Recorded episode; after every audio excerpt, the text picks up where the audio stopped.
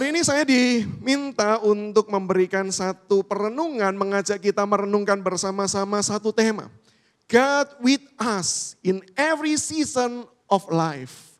Tuhan beserta dengan kita di dalam setiap musim kehidupan kita.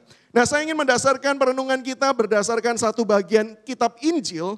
Mari kita memperhatikan Injil Matius pasal yang pertama ayat 18 sampai yang ke-25.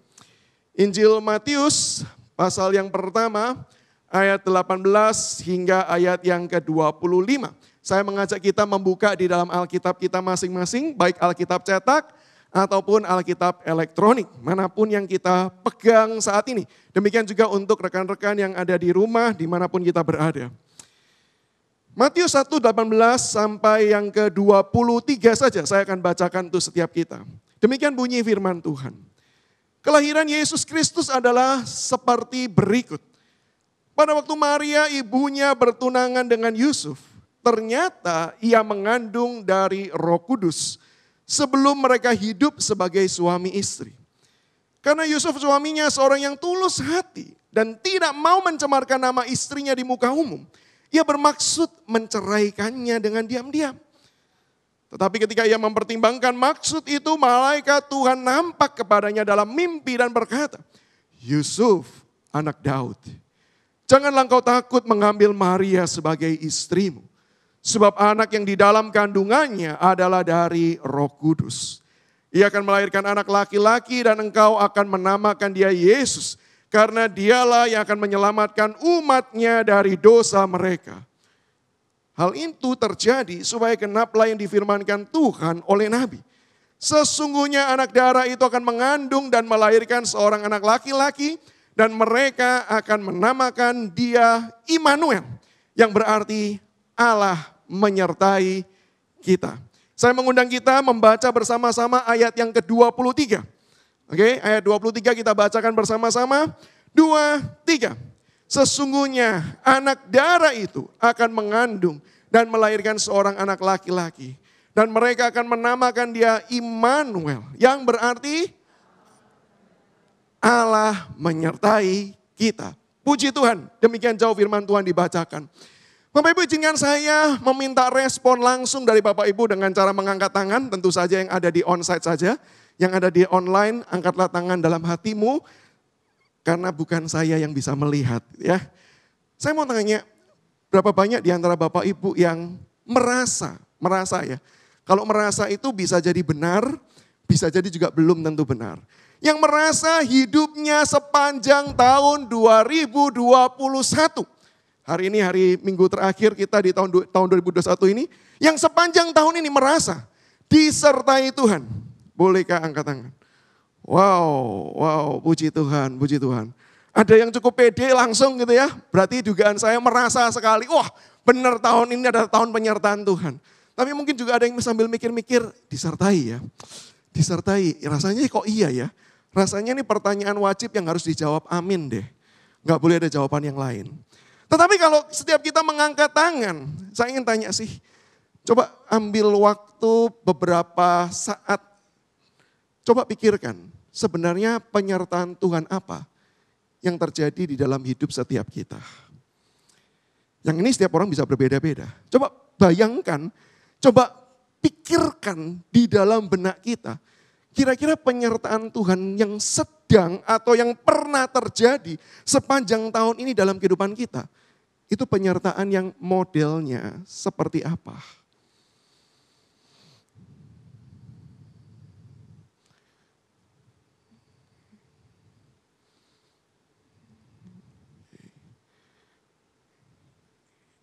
Nah, kalau kita sudah membayangkan dan memikirkan, izinkan saya mewakili mungkin sebagian orang. Saya tidak mengatakan semua ya, sebagian orang mungkin akan memikirkan bahwa, oh Tuhan itu menyertai saya. Buktinya adalah karena Tuhan itu sudah menolong saya. Ketika saya mengalami A, saya punya jalan keluar. Ketika saya mengalami B, Tuhan kemudian memimpin sehingga kemudian saya bisa mendapatkan akan solusi dan lain sebagainya. Mungkin itu yang terjadi di dalam kehidupan setiap kita. Dan kalau itu yang terjadi, saya mau katakan, praise the Lord, puji Tuhan. Itu bentuk penyertaan Tuhan. Sebagian mungkin berpikir bahwa oh kalau saya bukan cuma ada masalah, lalu ada solusi. Kalau yang terjadi dalam hidup saya, saya sudah mempunyai pergumulan sampai di dalam titik kritis. Dan menurut manusia, saya sudah tidak punya solusi apa pun. Tetapi Tuhan menyertai dengan cara dia membukakan jalan ketika tidak ada jalan yang bisa manusia lihat. Ketika saya tidak lagi punya pengharapan, dia berikan pengharapan itu. Dan kalau itu yang juga mewakili pergumulan dan pengalaman kita. Saya mau katakan, puji Tuhan, puji Tuhan. Tuhan menyertai kita. Dan mungkin sebagian, saya tidak tahu. Dugaan saya tetap adalah orang-orang yang berkata, Pak, kalau mau dibagi dan dipilah secara teknis, saya bukan cuma mengalami providensia Allah. Apa itu providensia Allah? Penyertaan Allah yang sangat khusus di tengah-tengah situasi yang sulit. Tetapi bahkan saya mengalami mujizat yang datang dari Tuhan. Apakah itu bentuk dari penyertaan Tuhan? Jawaban saya adalah ya. Dan kalau ada di antara kita yang menerima mujizat di tahun 2021 ini, saya katakan kembalikanlah hormat dan kemuliaan untuk Tuhan. Tetapi saya mau mengatakan demikian. Semua jawaban-jawaban itu merupakan bentuk-bentuk luaran dari penyertaan Tuhan. Penyertaan Tuhan bisa enggak lebih dari itu? Bisa. Maka itu bukan definisi penyertaan Tuhan. Itu hanyalah hasil akhir ketika Tuhan menyertai hasilnya apa. Nah itu tadi yang kita sebutkan satu demi satu. Maka kalau ditanya apa sih penyertaan Tuhan itu? Atau apa sih hidup yang disertai Tuhan itu? Maka izinkan saya memberikan satu definisi ini. Hidup yang disertai Tuhan adalah hidup yang siap diintervensi oleh Allah. Saya ulangi ya. Hidup yang disertai Tuhan itu adalah hidup yang siap diintervensi. Apa sih intervensi itu? Intervensi itu adalah karya Allah yang masuk, karya Allah yang bekerja di dalam hidup setiap kita. Karya Allah yang kemudian menghentikan rencana-rencana dan kemudian dia bekerja melakukan sesuatu yang berbeda untuk tujuan dan kemuliaannya. Itu intervensi. Hidup yang disertai adalah hidup yang siap diintervensi.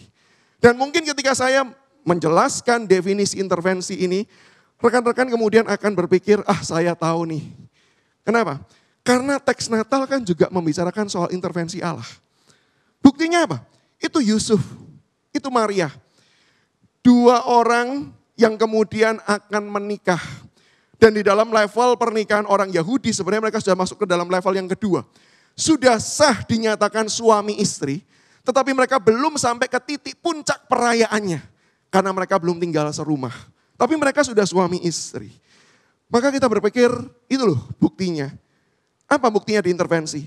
Yusuf dan Maria mau mengadakan pesta mau mengadakan perayaan yang selama ini dinanti-nantikan banyak orang. Apalagi kaum-kaum jombloers. Setiap kali ada orang yang membagikan undangan pernikahan, selalu kemudian berkata, kapan Tuhan giliranku?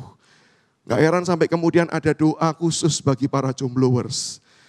Tuhan, aku suka dia. Kalau dia tidak suka aku, buatlah dia jadi suka. Undanglah dia dalam KKR supaya dia bertobat dan dia boleh mencintai aku. Kalau dia bukan jodohku, jodohkanlah. Kalau dia sudah jadi jodohnya orang lain, putuskanlah dan jodohkanlah dengan aku. Desperate banget kan ya? Nah ini orang Yusuf dan Maria sudah siap-siap mau merit, sudah siap-siap betul-betul mengalami puncak apa yang dinanti-nantikan. Tetapi justru yang terjadi adalah Tuhan mengintervensi. Mungkin bayangan kita ini loh, bentuknya intervensi Tuhan tersebut. Mereka nggak jadi nikah baik-baik dalam arti seperti konsep atau bayangan mereka. Tetapi mereka melakukan pernikahan sederhana karena mengandung bayi Yesus. Tapi saya mau katakan ini perspektif intervensi yang terlalu kecil.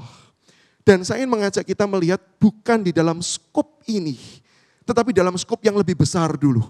Tidak salah, nanti kita akan menuju ke sana. Tapi itu bukan kacamata kita untuk melihat apa itu intervensi Allah.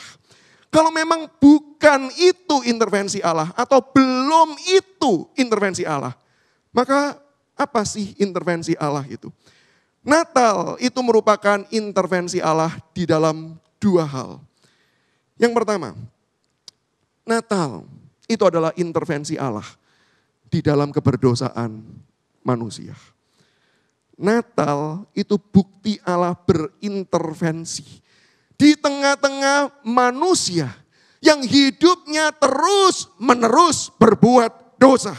Maka kalau kita membaca 21, dengan jelas malaikat Tuhan berkata bahwa anak itu akan lahir dan melaluinya ia akan menyelamatkan umatnya dari dosa mereka. Ini Natal. Natal itu bukan cuma sekedar Allah itu mau merusak rencana dari dua orang atau dari satu pasang. Bukan. Natal itu adalah ketika Allah bekerja melihat keberdosaan manusia yang terus menerus menjadi-jadi dan tidak ada solusi. Dan di situlah Allah berintervensi. Dia tidak membiarkan, tetapi dia bekerja untuk menyelesaikan akan hal tersebut. Natal itu intervensi Allah bagi keberdosaan manusia. Kalau kita membaca secara runut Alkitab, dan ini sebuah proses disiplin rohani yang baik. Saya mengajar kita untuk, ayo mungkin nanti di tahun baru, semangat yang baru, mulai membaca Alkitab secara runut. Saya yakin dan percaya kalau kita melakukan pembacaan Alkitab secara runut, Mulai dari kitab kejadian, terus, terus, terus. Satu hal, kesan yang pasti kita dapatkan. Manusia itu semakin hari, semakin berani menyatakan pemberontakannya kepada Allah. Itu kesimpulannya. Ketika manusia sudah jatuh di dalam dosa, hal itu diwujudkan dengan terus kalau kita perhatikan yang dalam kitab kejadian. Maka kita akan mendapati manusia yang semakin jahat dihukum oleh Allah Bukannya bertobat, bukannya berkata, aduh kapok aku dah, lain kali tidak melakukannya. Tetapi apa yang manusia lakukan setelah air bah terjadi?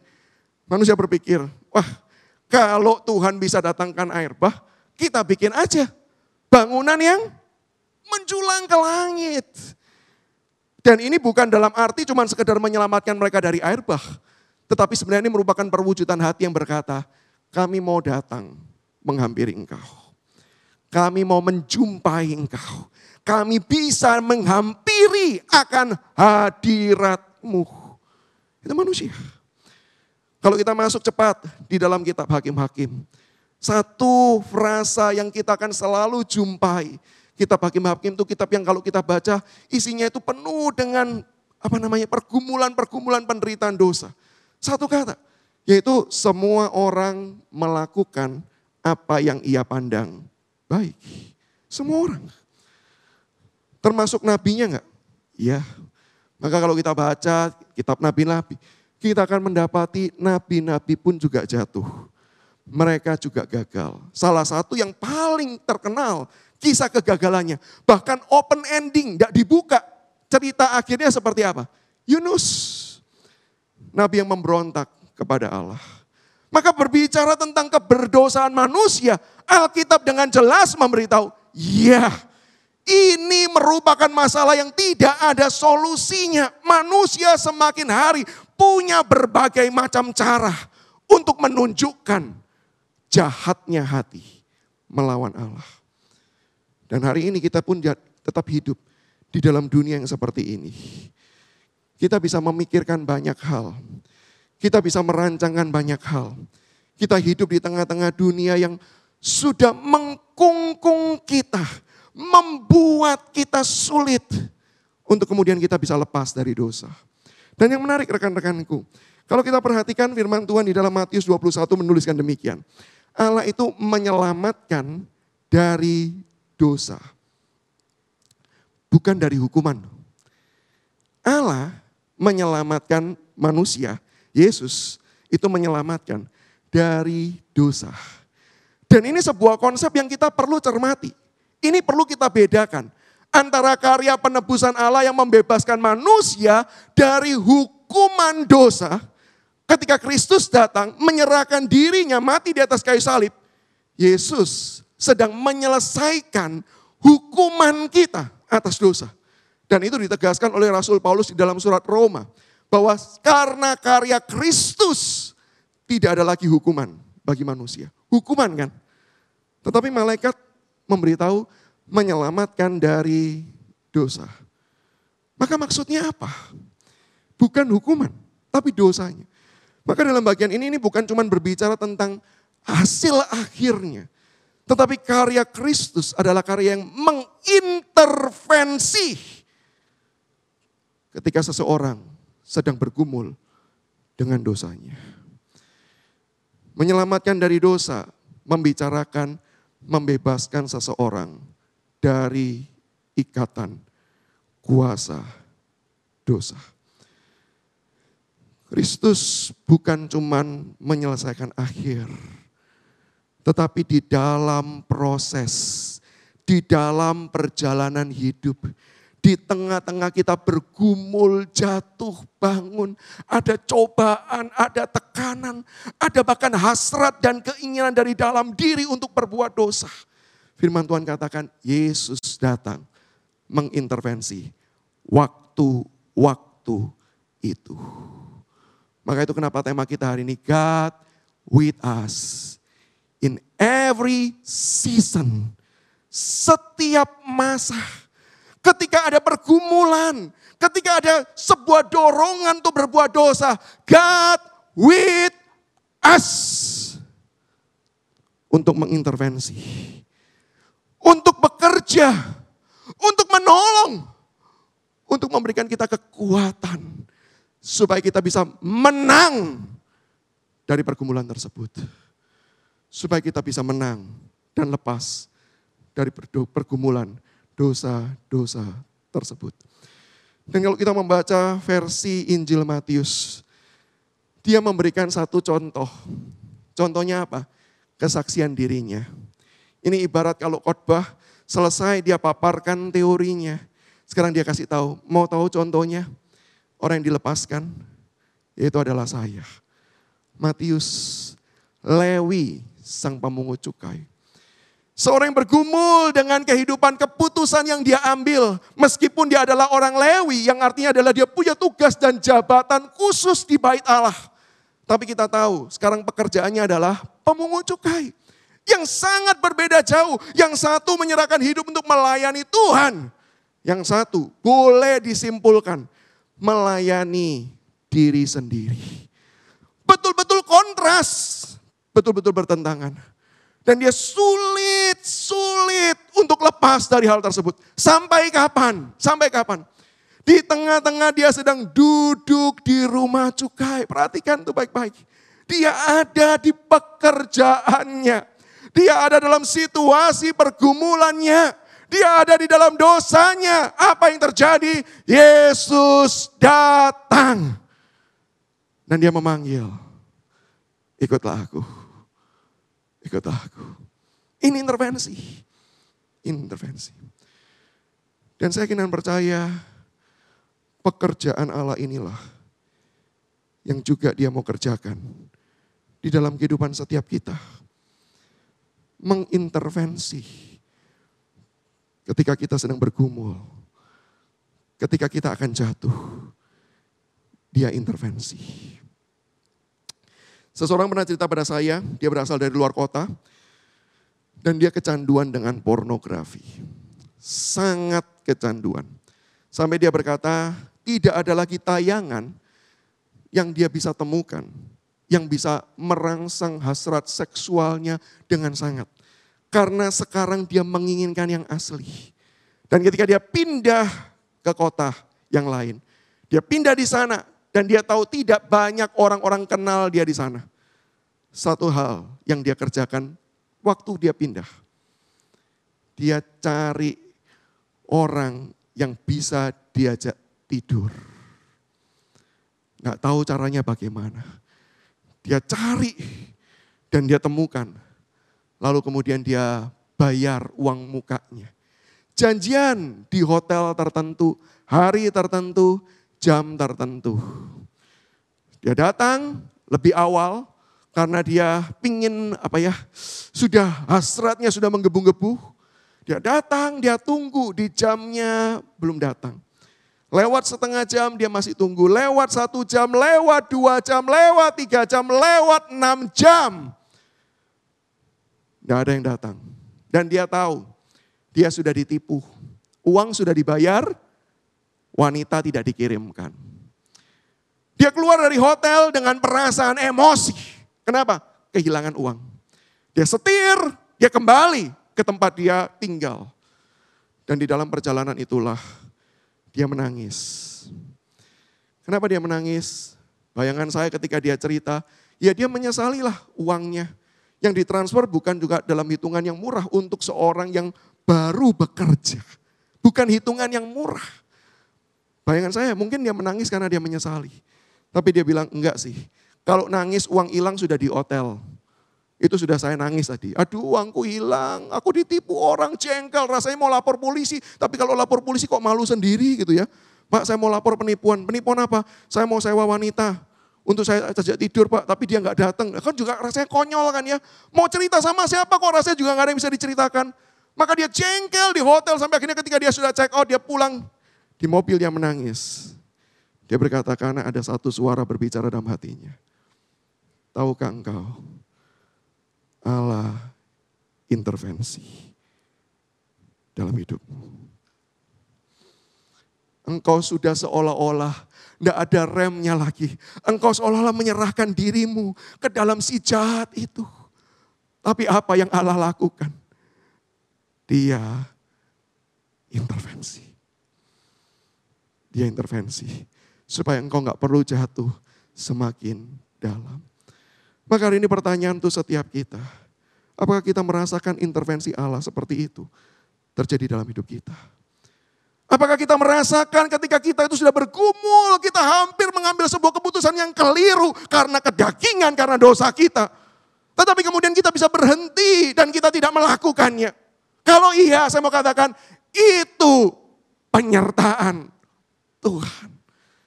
Itu intervensi yang Allah kerjakan dalam kehidupan setiap kita. Tetapi yang kedua, intervensi Allah itu juga merupakan intervensi atas kesendirian manusia. Maka ayat terkenal tadi yang kita baca bersama-sama ayat 23. Anak itu disebut Immanuel, yang artinya ia beserta kita. Kenapa kata-kata ini penting? Kata-kata ini sekarang terlalu populer, sehingga kemudian kita sulit menghayati apa artinya penyertaan, apa artinya Allah itu berjalan bersama dengan kita. Tetapi bagi orang Yahudi di zaman itu, mereka sangat memahami apa itu dibiarkan sendiri. Mereka memahami. Karena apa? Kalau kita perhatikan konteks dekat, kisah kelahiran Yesus, kisah kedatangan juru selamat itu dihadirkan setelah kira-kira 400 tahun lamanya Allah itu berhenti berbicara. Dia tidak lagi mengirim nabi, dia tidak lagi mengirim utusan untuk menyampaikan beritanya. Dia hanya menopang secara umum, anugerah umumnya saja. Orang mencari nabi, nggak ada satupun. Orang mencari firman yang kemudian Allah itu mau sampaikan dan bukti tanda dia menyertai. Tidak ada. Sehingga ketika dikatakan malaikat itu berkata kepada Yusuf, anakmu nanti disebut Immanuel, yang artinya Allah menyertai. Seolah-olah malaikat Tuhan ingin berkata, mulai sejak anak itu datang, sampai selama-lamanya. Tuhan tidak akan pernah satu kali pun meninggalkan engkau lagi. Tuhan selalu beserta dengan engkau. Tidak ada satu hal pun di dalam dunia ini yang bisa menghalangi Allah untuk menyatakan kasih dan kebaikannya bagi setiap kita. Orang Israel juga terbiasa mereka pernah dibuang, dijauhkan daripada hadirat Tuhan. Allah memalingkan wajahnya. Maka bukankah kita doa berkat kita mohon supaya Allah tidak memalingkan tetapi Allah menghadapkan wajahnya yang artinya Allah memberkati kita. Israel pernah dipalingkan. Musa pernah berkata, Tuhan, kalau engkau tidak berjalan, aku dan bangsa ini juga tidak akan berjalan. Karena kami tidak mau berjalan sendiri. Yakub juga pernah berkata, aku mohon penyertaanmu. Karena aku akan menghadapi Esau yang kemungkinan dia akan membunuh aku. Aku mohon penyertaanmu. Orang Israel paham benar apa artinya ditinggalkan. Dan itu rasa yang tidak nyaman bukan? Bapak Ibu, satu hal yang saya coba pelajari di masa pandemi ini. Ketidaknyamanan sendiri. Ketidaknyamanan berada sendiri. Bapak Ibu, penyakit COVID-19 ini menyebabkan kita terpisah satu dengan yang lain.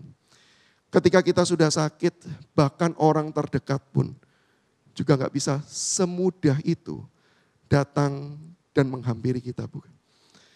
Ada orangnya, tapi cuma bisa di luar. Jangankan yang sakit, yang merawat saja. Ada pengalaman-pengalaman menyaksikan bagaimana tenaga medis yang harus cuma berjumpa dengan keluarganya dengan jarak yang jauh. Seorang ibu yang tidak bisa memeluk anaknya karena takut untuk menginfeksi. Seorang ayah yang kemudian hanya harus mengirimkan ciuman virtual. Anakku, istriku baik-baik. Harus sendiri. Dan bukankah perasaan itu adalah perasaan yang tidak nyaman. Perasaan yang tidak menyenangkan. Kesendirian terjadi di dalam kehidupan manusia. Sebagai dampak dari dosa. Kita merasa kosong. Kita pingin sesuatu yang membuat kita merasa saya berarti. Kita merasa hampa, maka kita menambah berbagai macam aktivitas. Bahkan termasuk aktivitas rohani kita tambahkan ke dalam hidup kita. Supaya kita merasa kita bermakna. Tapi bukankah kalau kita jujur, semua itu tidak pernah betul-betul bisa mengisi kekosongan kita. Semua itu tidak pernah sungguh-sungguh membuat kita merasa puas dan tenang. Tetapi kehadiran Yesus itu adalah kehadiran yang menyelesaikan kesendirian ini. Allah menyertai. Allah hadir. Allah masuk. Allah berjalan bersama dengan kita di setiap musim kehidupan kita. Dan kalau kita perhatikan kembali gambaran Matius di bagian agak akhir, Matius 27, 50. Buktinya apa? Bahwa sungguh-sungguh tidak ada yang memisahkan kita. Ketika Yesus mati, Matius yang mencatat bagian ini. Karena dia ingin menekankan bahwa dia sungguh Allah Immanuel. Tirai bait Allah di mana selama ini bangsa Israel ketika mau datang menghadap Allah mereka hanya bisa berhenti di depan. Imam khusus lah yang kemudian bisa masuk hanya di waktu-waktu tertentu untuk melakukan sebuah ritual tertentu. Dan ketika mereka berdosa mereka pun bisa mati di dalam. Hanya orang-orang khusus, tidak bisa semua orang datang. Saya harus nitip, tolong ya sampaikan ya kepada Tuhan ya. Aku butuh dia, tolong ya beritahu Allah ya. Aku sangat menantikan dia melalui kematiannya.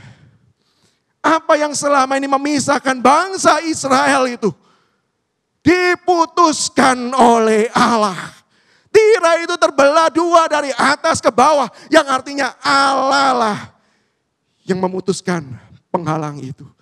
Karena dia yang datang dan dia mau berkata, mulai sejak saat ini, siapa pun yang mau menghampiri dia, siapa pun yang mau datang pada Allah, silakan dia bisa masuk.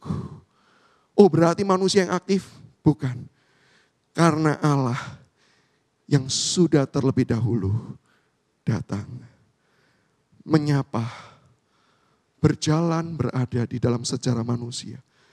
Membuktikan dia ada bersama dengan kita. Dan itu intervensi Allah. Itu intervensi Allah. Tetapi rekan-rekanku di bagian paling akhir ini saya mengajak setiap kita melihat Dua intervensi inilah yang Allah mau kerjakan di dalam dunia. Maka itu Allah mengintervensi hidup Yusuf dan Maria. Saya ulangi ya. Tadi di awal katakan bahwa benar enggak Allah mengintervensi hidup Yusuf dan Maria? Betul, tapi kita enggak boleh melihat itu hanya di bagian itu saja. Kita perlu melihat bagian yang besar dulu. Allah mengintervensi dunia di dalam keberdosaan, Allah mengintervensi dunia di dalam kesendiriannya. Bagaimana Allah bisa bekerja melakukan semua hal tersebut. Dengan cara dia mau memakai orang-orang, memakai umatnya. Dia mengintervensi hidup umatnya dengan satu tujuan. Intervensinya atas dosa dan intervensinya atas kesendirian dirasakan oleh semua orang. Maka itu kenapa Natal menjadi sukacita bagi dunia. Hari ini banyak orang bersuka cita, orang Kristen bersuka cita, betul-betul merasakan sukacita Natal. Tetapi hanya di dalam gereja saja. Karena apa? Karena tidak menyediakan dirinya. Membiarkan dirinya untuk boleh diintervensi hidupnya oleh Allah. Supaya ketika Allah mengintervensi hidup kita, bisa jadi Allah merusak rencana kita. Ketika Allah mengintervensi kehidupan kita, bisa jadi semua rencana kita akan dibalikan. Dan kita itu hidup di dalam ketidakpastian.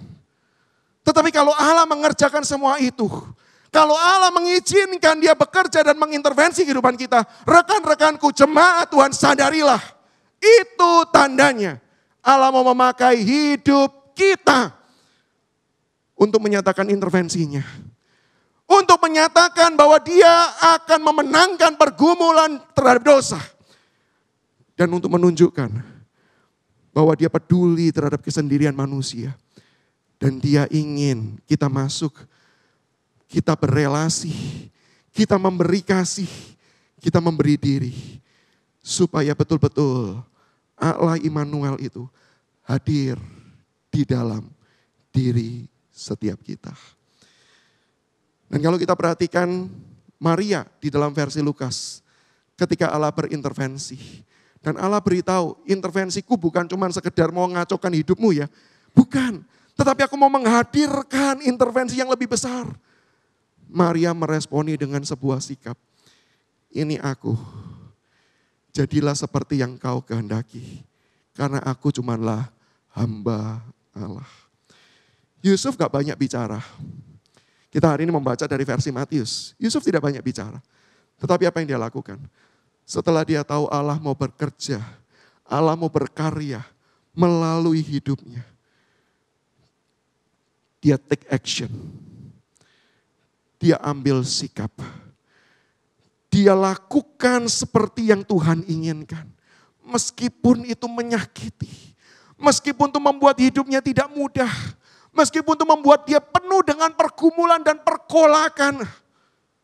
Tetapi dia mau berkata, yes. Kalau Tuhan mau intervensi supaya betul-betul keselamatan bisa diberikan. Supaya kesendirian manusia bisa diatasi.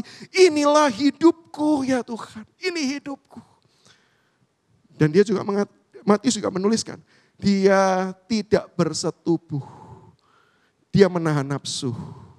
Untuk apa?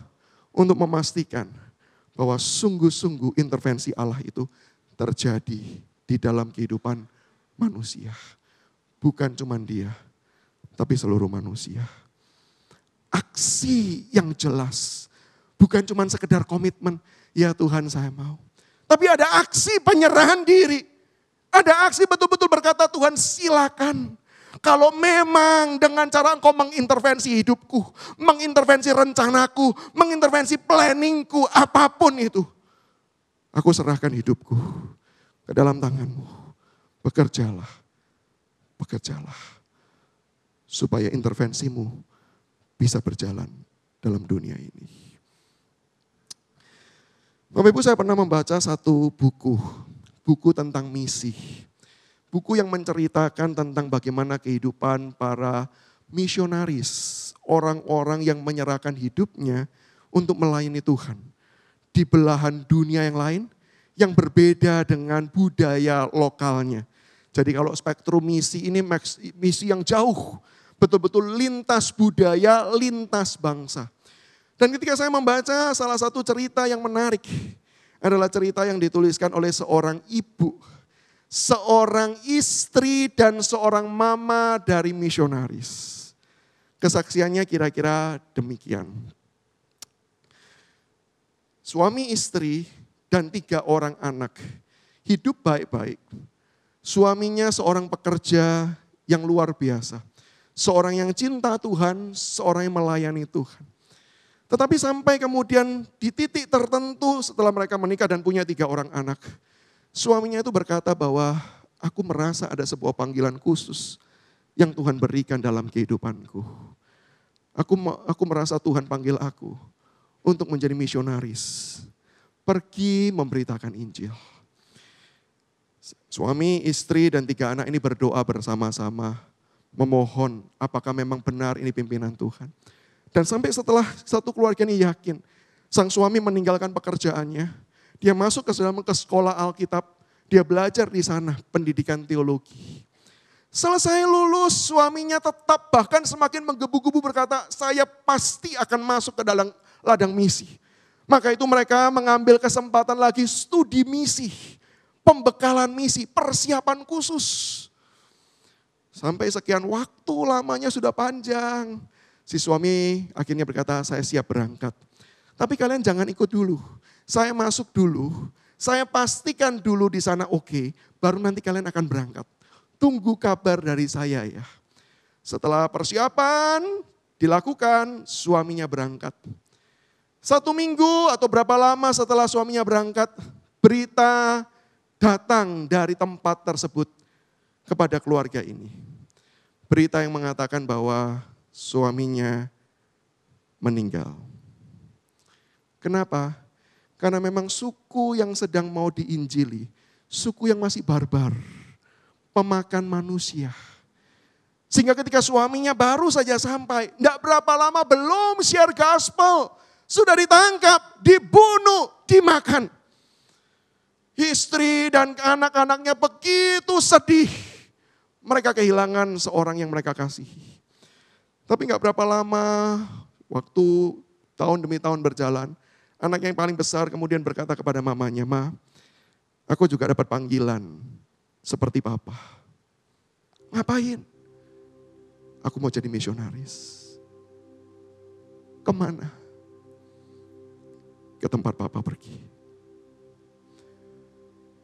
Bapak ibu, ah, ibunya berkat, berkumul dalam hati. Dia masuk ke kamar, dia berdoa. Tuhan, betulkan ini pimpinanmu. Sekeluarga berlutut berdoa. Mereka diteguhkan dan diyakinkan. Anak pertama studi Alkitab, studi misi, persiapan. Dia pergi.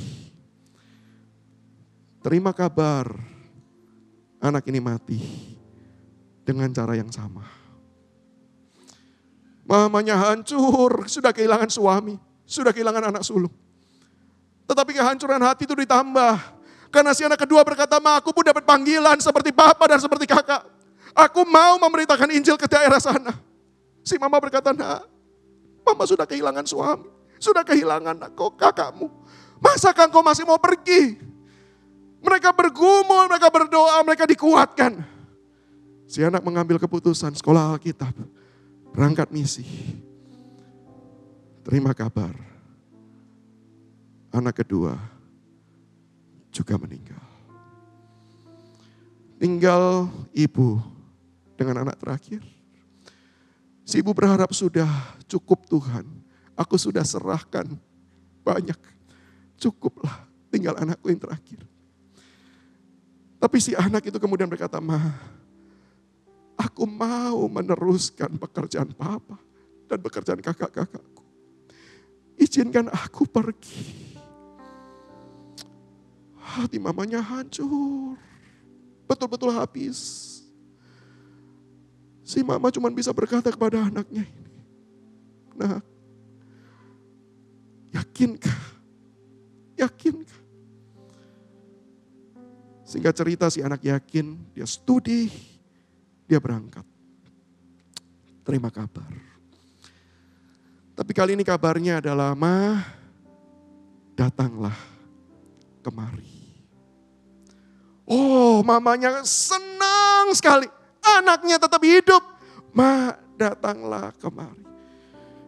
Dan ketika si ibu itu datang dengan sebuah uh, perjalanan yang tidak mudah, sesampainya di daerah tersebut, dia disambut bak dewa yang turun ke dalam dunia. Dia dipestakan, dia disambut dengan begitu meriah. Sampai singkat cerita dia dipertemukan dengan kepala suku yang sudah lanjut usia. Dan kepala suku dengan bahasa yang terbatas diterjemahkan oleh anaknya dengan orang lain. Memberitahu, terima kasih, terima kasih. Kenapa? Karena satu kali ketika ada pria datang, pria asing yang gak dikenal datang, mereka memakan dagingnya. Mereka mengambil barang-barangnya. Dan mereka menemukan sebuah foto. Pria ini dengan seorang ibu dengan tiga anak kecil.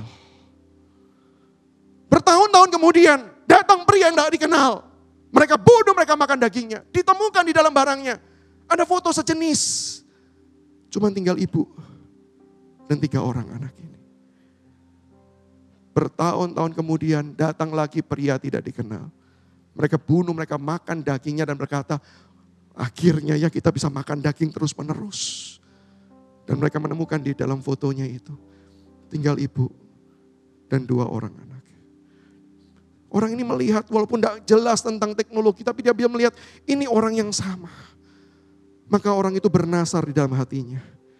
Kalau sampai yang terakhir ini datang, aku mau tanya, kenapa dia tetap mau datang?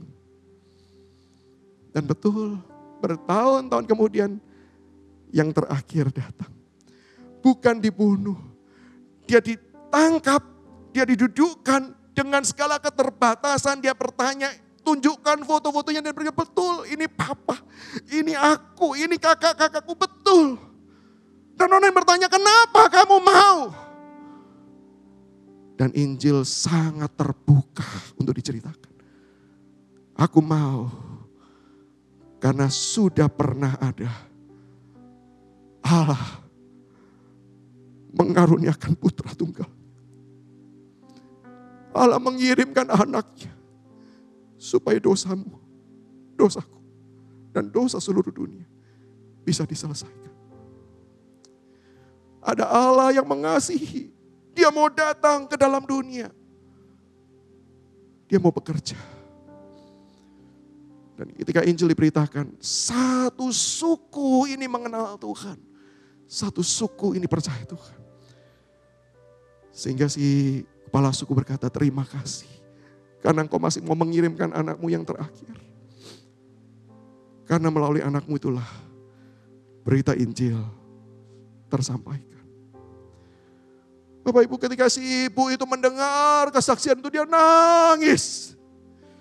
Dan satu hal Bapak Ibu, satu hal yang mungkin menjadi kalimat kesimpulannya. Penyertaan Tuhan itu bukan jaminan bahwa hidup ini tanpa masalah. Rekan-rekanku kalau kita selama ini berpikir hidup disertai Tuhan adalah hidup kita percaya bahwa kita akan hidup nyaman, forget it. Itu bukan Injil. Itu kepalsuan. Hidup disertai Tuhan adalah sebuah jaminan ke mana pun Tuhan mengarahkan kita ke mana pun Tuhan memimpin kita, pimpinannya tidak bersalah. Pimpinannya tidak bersalah. Pimpinannya akan memakai kita menjadi alat untuk menyatakan kemuliaan Allah. Maka ini pertanyaannya, sudahkah hidup kita disertai Tuhan? Atau pertanyaan yang lebih tepat adalah, maukah hidup kita disertai Tuhan? Yang artinya, Maukah kita berkata kepada Tuhan hari ini, sebagai komitmen akhir tahun, Tuhan, di tahun yang baru, inilah hidupku. Bekerjalah. Kalau engkau mau mengintervensi rencanaku, jadilah kehendakku. Kalau semua planning yang aku pikirkan 2022 yang sudah aku susun dengan sebaik mungkin ini engkau mau obrak abrik. Supaya engkau bisa bekerja melalui hidupku dan di dalam hidupku. Ini aku Tuhan. Kuserahkan hidupku ke dalam tangan. Saya mengundang siap kita tundukkan kepala.